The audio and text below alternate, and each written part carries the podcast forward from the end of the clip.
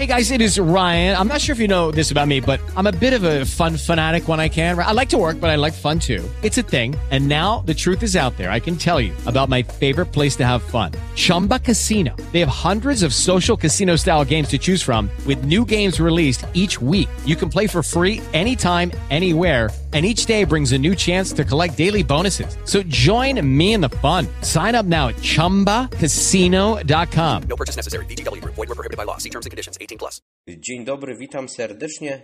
Dzisiaj gościmy panią Dorotę Grojecką. Panią Dorotę, która jest redaktorką naczelną nieregularnika non-fiction. Chcielibyśmy porozmawiać o ostatnim numerze zatytułowanym Głowa. Witam serdecznie pani Dorota. Dzień dobry. Dzień dobry. Bardzo mi miło. Nie pierwszy, nie ostatni raz oczywiście rozmawiamy z panią. Ja mam po raz pierwszy przyjemność z panią rozmawiać na antenie naszego radia. Chciałbym zapytać o ostatni numer zatytułowany Głowa. Oczywiście tutaj jest mowa o wielu, wielu aspektach. I o chorobie, i o zdrowiu, i o głowie jako głowie, i o fryzjerze, i o kominiarkach, o wielu różnych rzeczach. Ale chciałbym Panią zapytać o rzecz, o której Pani pisze we wstępie. A mianowicie o tym, że mamy łatwość rozmów o chorobach, ale nie o chorobach psychicznych. Proszę, mi powie- proszę nam powiedzieć, jak to Pani widzi? Czy jest to swego rodzaju nadal wstyd mówić o tym? No więc tak, y, jedna rzecz to są pewne moje założenia, które mi e, towarzyszyły, kiedy mm, zaczynałam pracę nad tym numerem.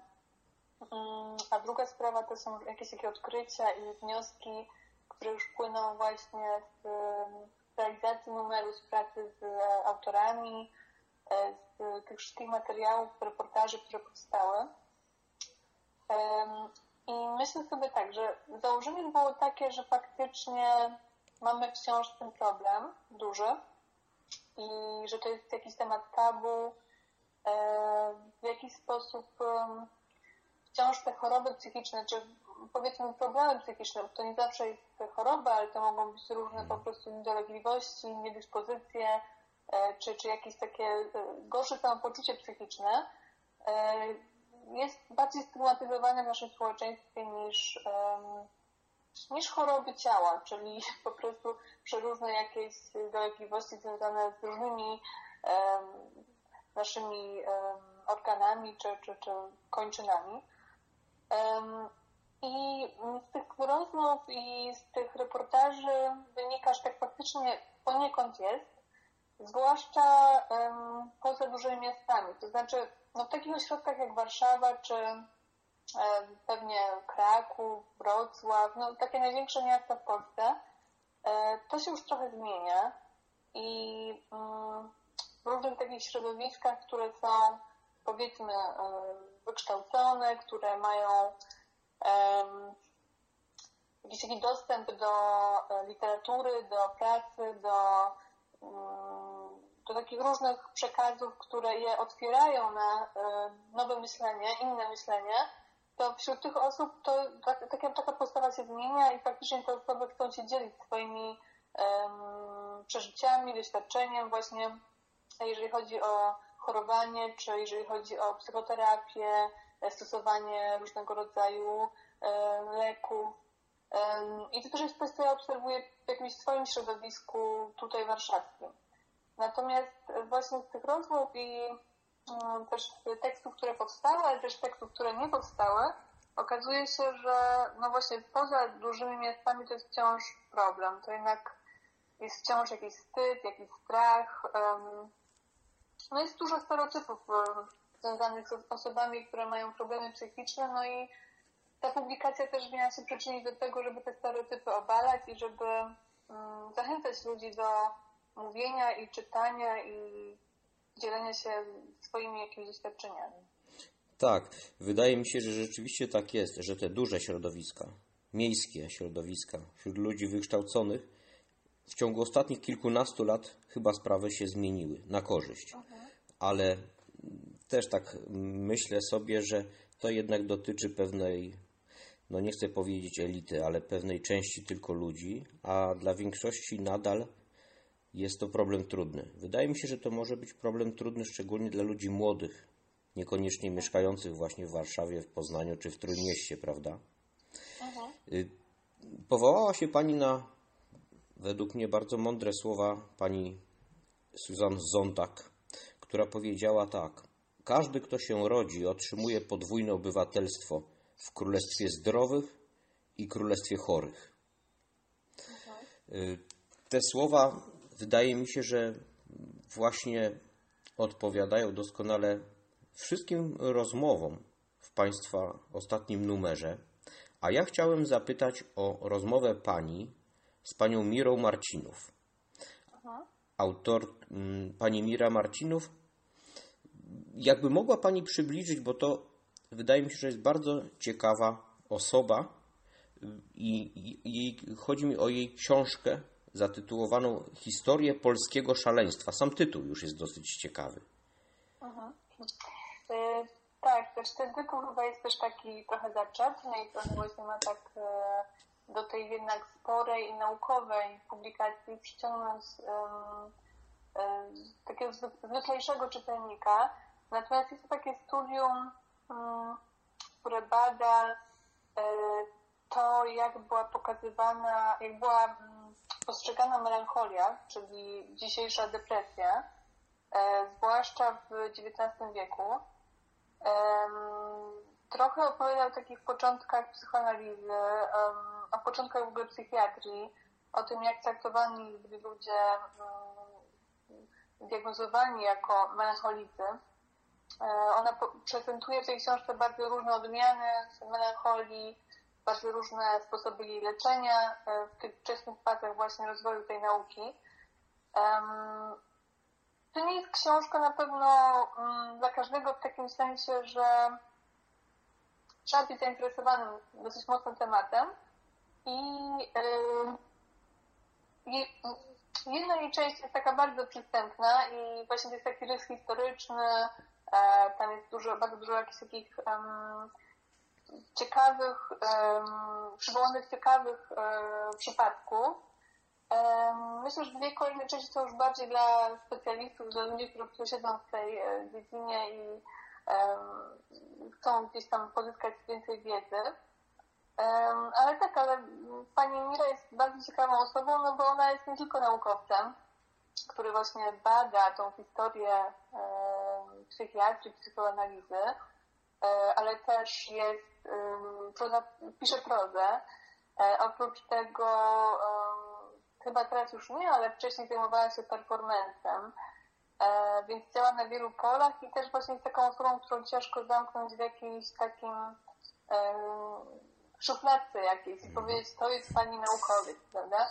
E, i, I ona pisze takie książki. Znaczy to jest taka osoba, która właśnie się wymyka z takim em, schematom i, i też o tym jest moja rozmowa z nią, prawda? E, O tym, że właśnie hmm, czasami postrzegamy ludzi, którzy mają, e, którzy chorują psychicznie albo mają problemy psychiczne, e, bardzo takich, um, zawężamy ich do tej kategorii choroby e, i e, nazywamy ich jakimś takim jednym słowem, wrzucamy ich po prostu do tej kategorii na przykład schizofrenika czy, em, czy osoby z depresją.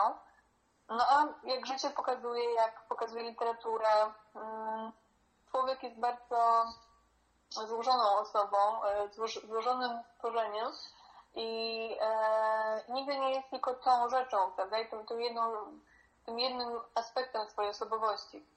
I mm, to mi się wydało bardzo, bardzo ważne, e, to co powiedziała Pani Mira w tej rozmowie mojej z nią.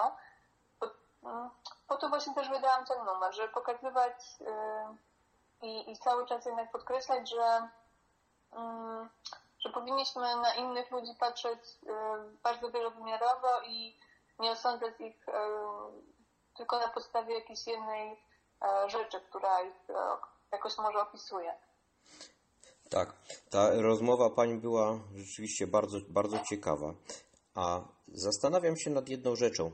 Wydaje mi się, że początek przemian te 30 lat temu w Polsce, mass media, które troszkę przejęły nasze umysły, że tak powiem, jako większości społeczeństwa, wmawiały nam przez wiele lat, że dziś miejsca nie ma już na smutek.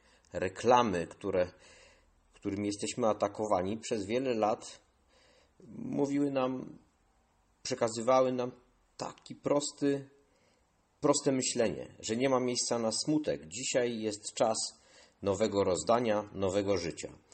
Sytuacja się troszkę zmieniła z początkiem tego roku. Myślę tutaj o pandemii. I chciałbym zapytać Panią, czy dziś nie ma miejsca na radość?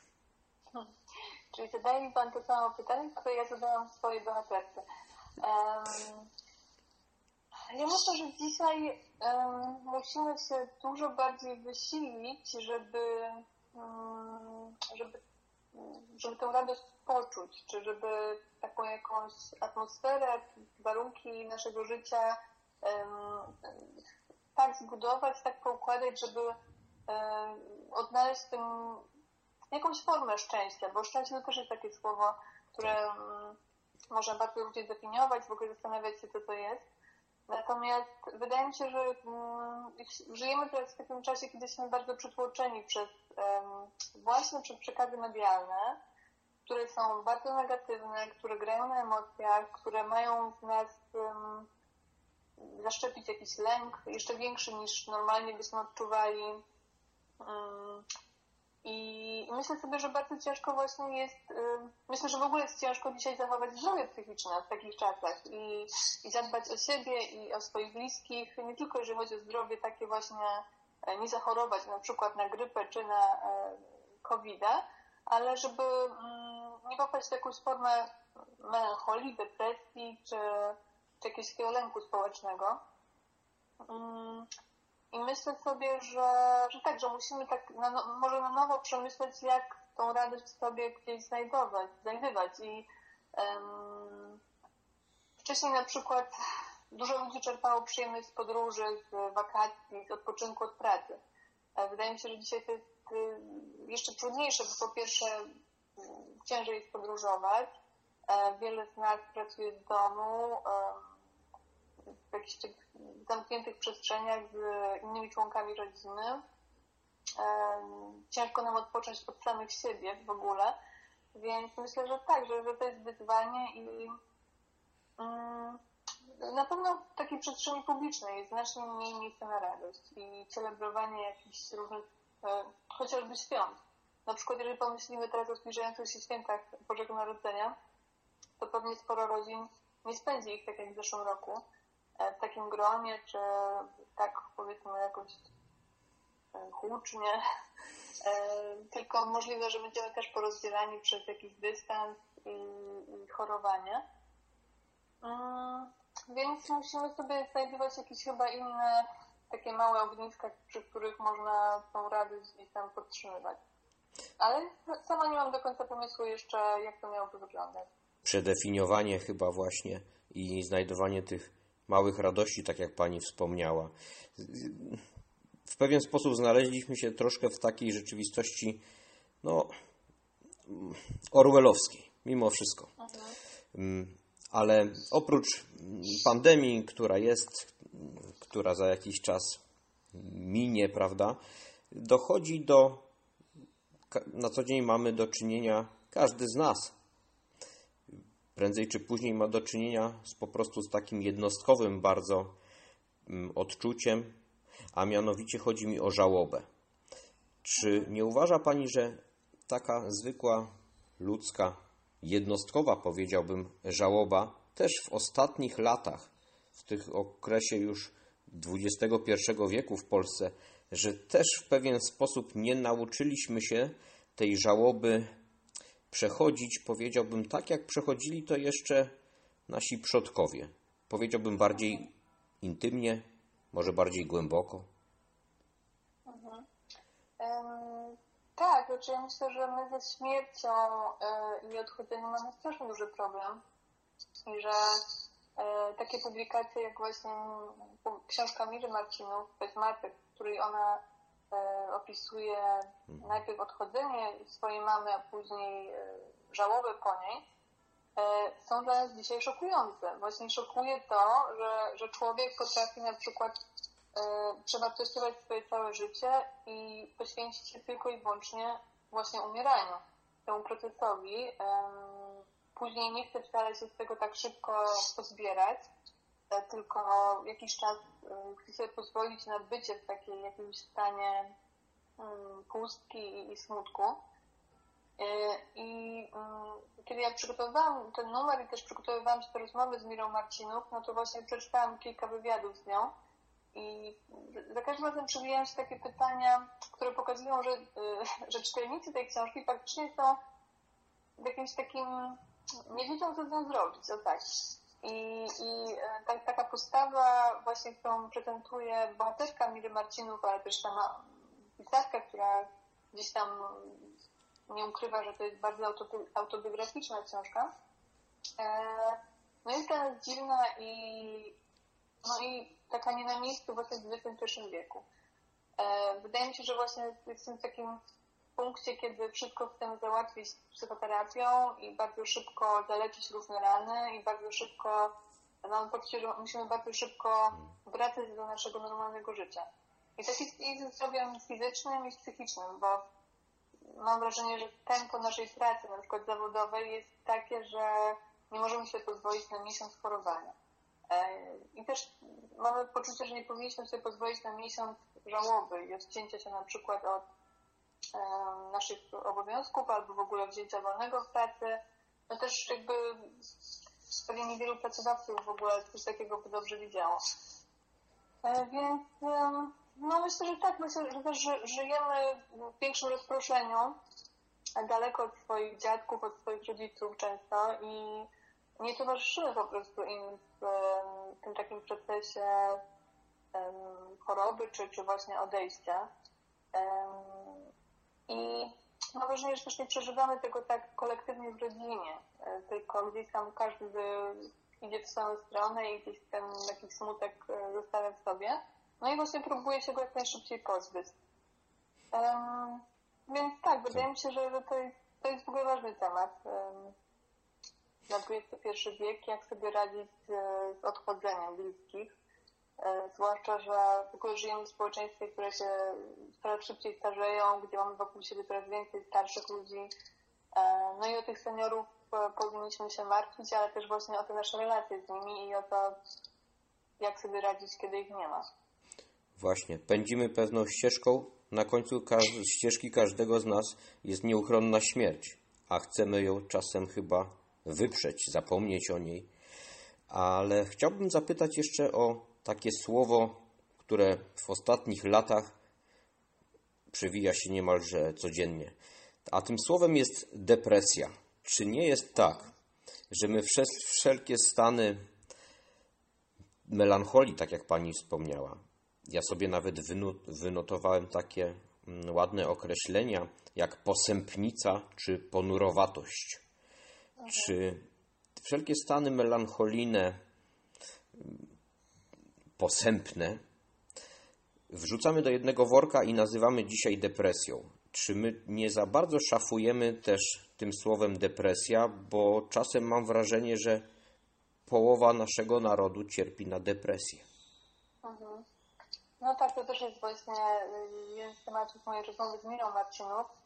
I y, a moja rozmówczyni proponuje powrót do tych różnych e, ciekawych i mm, ciekawych słów, które pokazują duże spektrum e, takich stanów, w których człowiek może być. Em, mm, Depresja to już jest y, choroba i ona jakby, żeby człowiek był diagnozowany jako Step into the world of power, loyalty, and luck. I'm gonna make him an offer he can't refuse. With family, cannolis, and spins mean everything. now, you wanna get mixed up in the family business. Introducing The Godfather at ChumbaCasino.com. Test your luck in the shadowy world of The Godfather slot. Someday, I will call upon you to do a service for me. Play The Godfather now at ChumbaCasino.com. Welcome to the family. VGW Group. No purchase necessary. Void where prohibited by law. See terms and conditions. 18 plus. With the Lucky Land slots, you can get lucky just about anywhere. This is your captain speaking. Uh, we've got clear runway and the weather's fine, but we're just going to circle up here a while and uh, get lucky.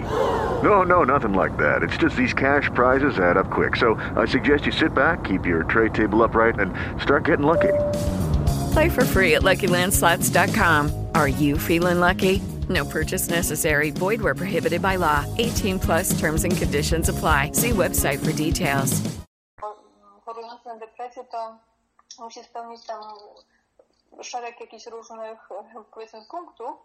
Natomiast często mówimy, że ktoś ma stany depresyjne, prawda? Albo że, że to są jakieś takie, mm, czuje, że czuje się depresyjnie. O tak, to nie, to, nie, to nie jest tożsame z depresją jakąś takim stanem probowym, który wymaga leczenia, farmakologii i, i mm, na pewno mm, spotkań z psychiatrą. Mm, Natomiast tak, wydaje mi się, że nasz, nasz język jest strasznie ubogi, y, ten współczesny, e, kiedy próbujemy określać różne choroby i różne stany. Jakby porzuciliśmy różne słowa, które wydają się nam dzisiaj bardzo jakieś e, po prostu e, nie na miejscu i, i, i dziwne i jakoś nie wiążemy, wiążemy je z jakimś określonym czasem w kulturze, w literaturze, z romantyzmem na przykład. Ale ja też myślę, że warto byłoby ten język wzbogacać i, i też język, który byłby bogatszy, może by nam ułatwiał rozmawianie właśnie o tych różnych stanach.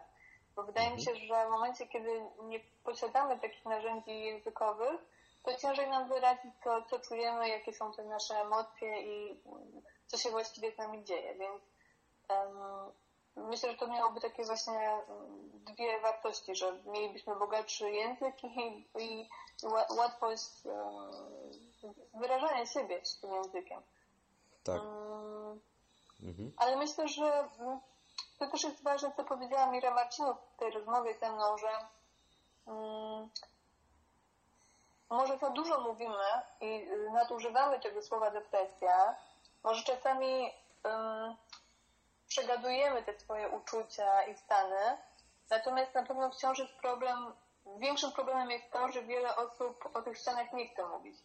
Że nie dzieli się e, nimi nawet z bliskimi ludźmi i czasami jest za późno, kiedy, żeby pom- pomóc takiej osobie, prawda? I tutaj dochodzi do, do samobójstwa i tutaj również wśród młodych ludzi, bo po prostu mm, brakuje nam, no nie wiem, boimy się e, takiej rozmowy, bo właśnie boimy się stygmatyzacji, jakiegoś odrzucenia, bo żyjemy w społeczności, która na przykład nie, no nie ma takiej tradycji, czy, czy w rodzinie, która nie ma tradycji rozmawiania o uczuciach i o tym, jak się czujemy. Więc wydaje mi się, że właśnie jednak większe zagrożenie jest z tej drugiej strony, że za mało jest wciąż tych materiałów i za mało jest nawoływania o, o, o ludzi do tego, żeby właśnie nie bali się sięgać po pomoc. Chociaż to się zmienia i w różnych właśnie przekazach medialnych e, to się pojawia i różne takie osoby, które powiedzmy są influencerami czy gdzieś osobami publicznymi nawołują też do tego, e, żeby sięgać po pomoc różnych organizacji i e, specjalistów. Sądzę, że to jest bardzo ważne, to o czym Pani wspomniała, przełamywanie tabu. Przełamywanie tabu, rozmawiania o tym, że po prostu każdy z nas ma prawo, że tak powiem, ma po prostu prawo e, źle się czuć psychicznie w pewnym okresie swojego życia. Jesteśmy społeczeństwie na dorobku, powiedziałbym, gdzie ta presja społeczna jest dosyć duża. Presja ze strony pracodawców, no i z tym wiąże się jeszcze jedna rzecz, a mianowicie wypalenie zawodowe. Czy nie jest tak, że pani mieszkając w stolicy, gdzie, do której przyjeżdżają ludzie z całego kraju, ludzie aktywni, bardzo aktywni, wykształceni, którzy pędzą i po pewnym czasie, czy nie ma właśnie czegoś takiego wśród młodych ludzi jeszcze, jak wypalenie zawodowe. Niekoniecznie myślę tu o ludziach mających 60 lat, ale takich, którzy mają 30-40 lat i brutalnie rzecz biorąc często są wyciśnięci jak cytryna na przykład przez wielkie korporacje.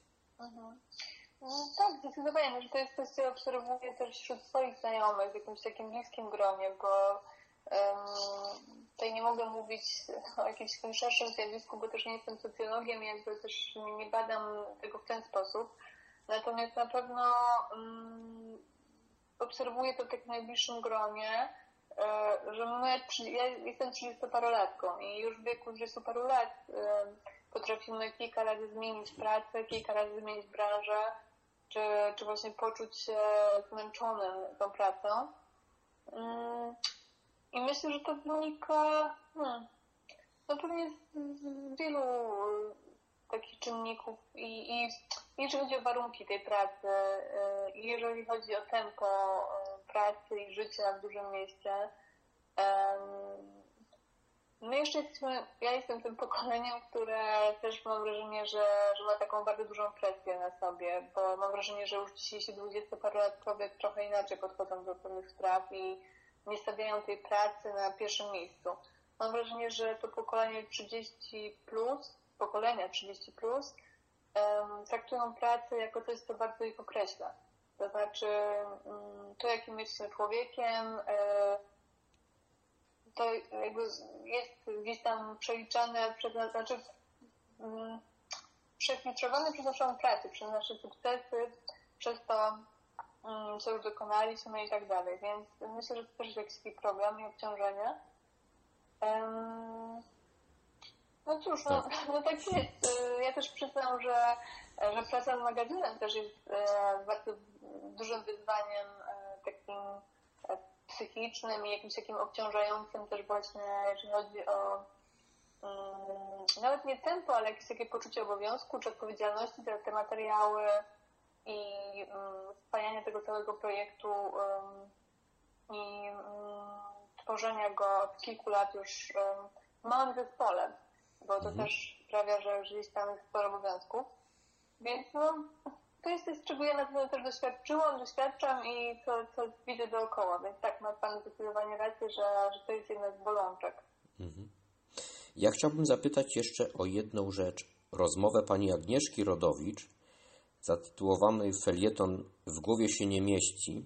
Rozmowy z uchodźcami, którzy od pewnego czasu mieszkają w Polsce. Kolokwialnie mówiąc, z ludźmi, którzy mieli w życiu podgórkę ludzie, którzy przyjechali, mieszkają w naszym kraju, nie mają absolutnie najmniejszego poczucia stabilizacji. Są bardzo dzielni, bardzo dzielni i jak czytałem ten reportaż, to nie wiem, czy pani podziela moje zdanie. Czy to nie jest tak, że my, Polacy, na przestrzeni właściwie wieków historycznie, jesteśmy narodem, który niejako chwali się cierpieniem. Gloryfikuje to cierpienie, mówiąc, może inni mają źle, ale my mamy gorzej. Chciałbym zapytać, czy jaki jest Pani odbiór tego naszego cierpiętnictwa, cierpienia Polaków, a właśnie uchodźców, którzy trafiają do Polski i ich podejścia, ich prawdziwych, powiedziałbym, problemów? Mhm. To myślę, że to pytanie to jest dosyć złożone zagadnienie, bo, bo tu jest kilka rzeczy poruszonych. Um, myślę, że po pierwsze to faktycznie jest tak, że nie wiem, czy to jest cecha narodowa, czy, czy, czy, czy w ogóle możemy w ten sposób mówić, no ale można zaobserwować e, takie, taki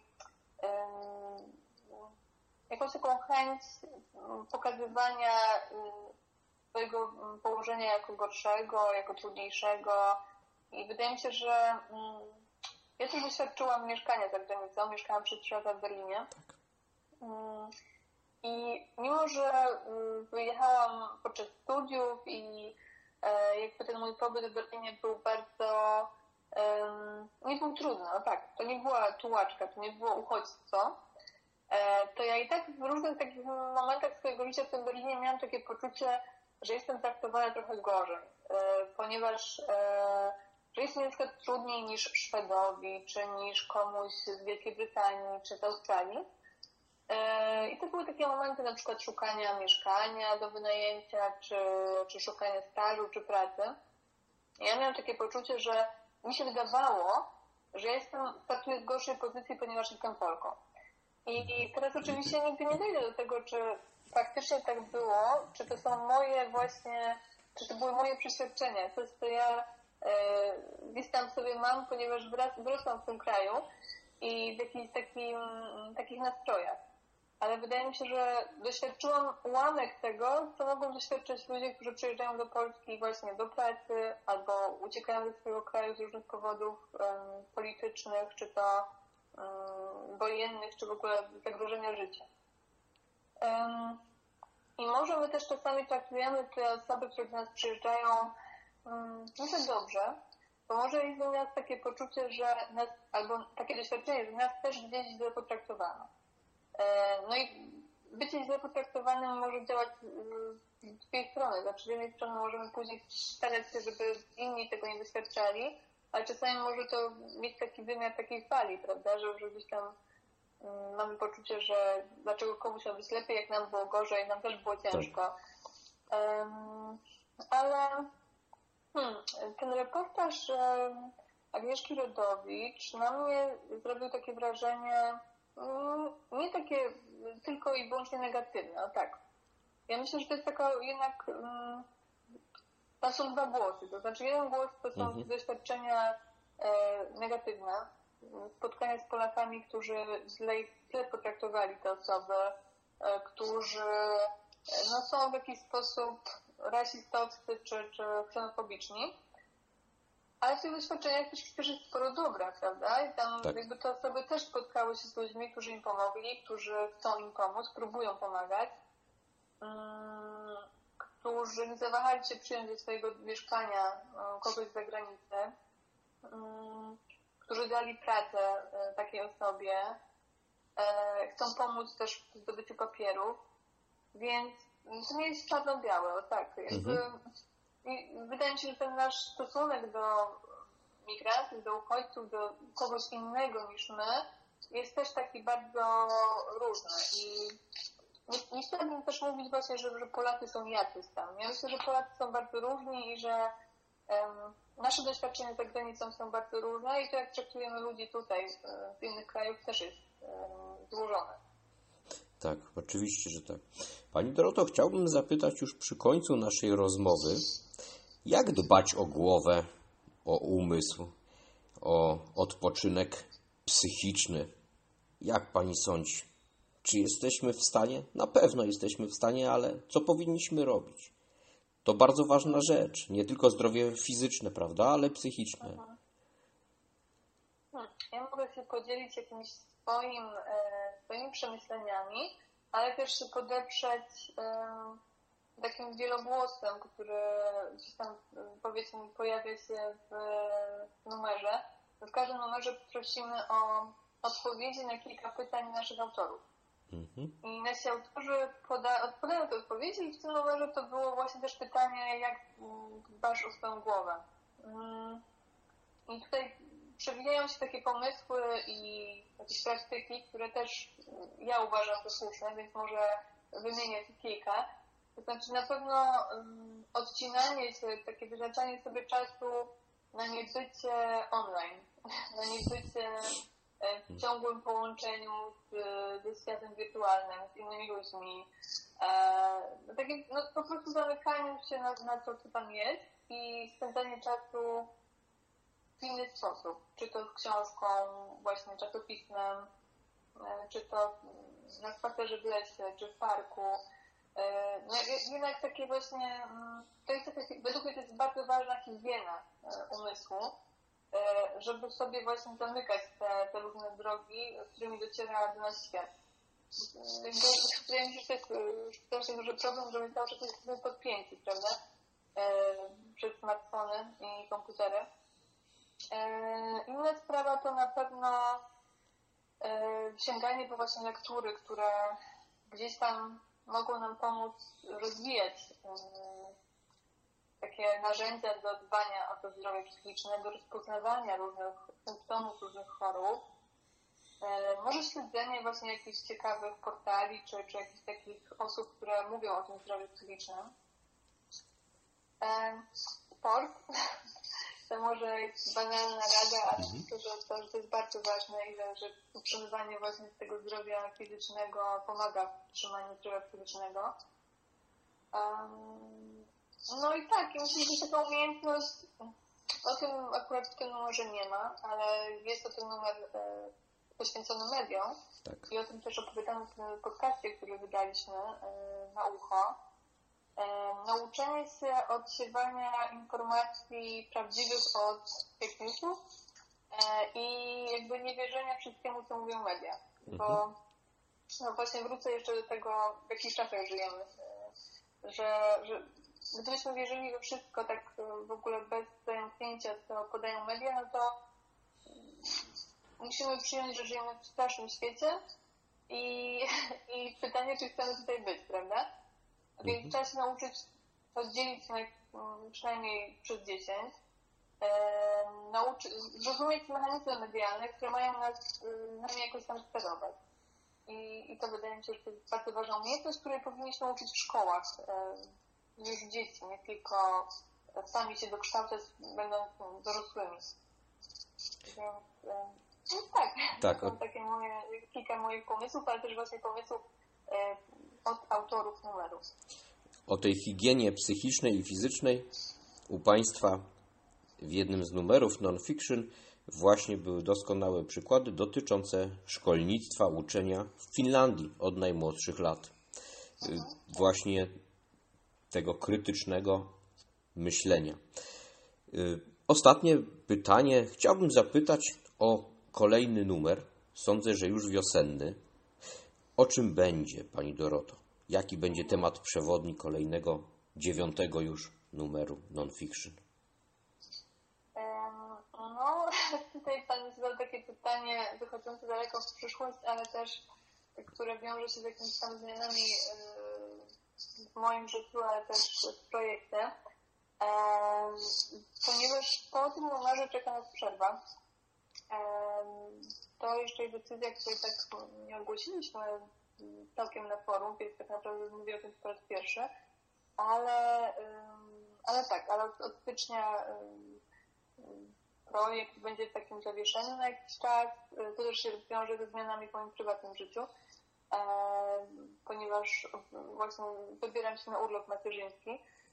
Wielkie gratulacje. A ponieważ, dziękuję, a ponieważ jest to właśnie projekt, jest to czasopismo niezależne, które opiera się w dużej mierze na mojej pracy, no to na pewien czas ono będzie musiało pozostać w zawieszeniu, ale mam wielką nadzieję, że za jakiś czas wrócimy i to też będzie czas dla mnie do przemyślenia sobie, jak ten projekt może dalej wyglądać, funkcjonować i no to już będą cztery, prawie 4 lata, kiedy ten projekt powstał. Myślę, że to jest taki dobry moment do tego, żeby właśnie troszkę go sobie przemyśleć i zastanowić się, jak, jak dalej może on no, wyglądać, ale Tak. też e, może jeszcze lepiej właśnie funkcjonować. Będzie czas na przemyślenia, inne, przewartościowanie troszkę. My w każdym razie, ja ze swojej strony bardzo serdecznie dziękuję za rozmowę i życzę bardzo dużo zdrowia i wrażliwości na odmienne stany. Wszystkiego dobrego, wszystkiego najlepszego. Bardzo ciepło i serdecznie pozdrawiamy z Gliwic. Bardzo dziękuję nawzajem. Dziękuję bardzo Pani Doroto. Do usłyszenia. Do usłyszenia.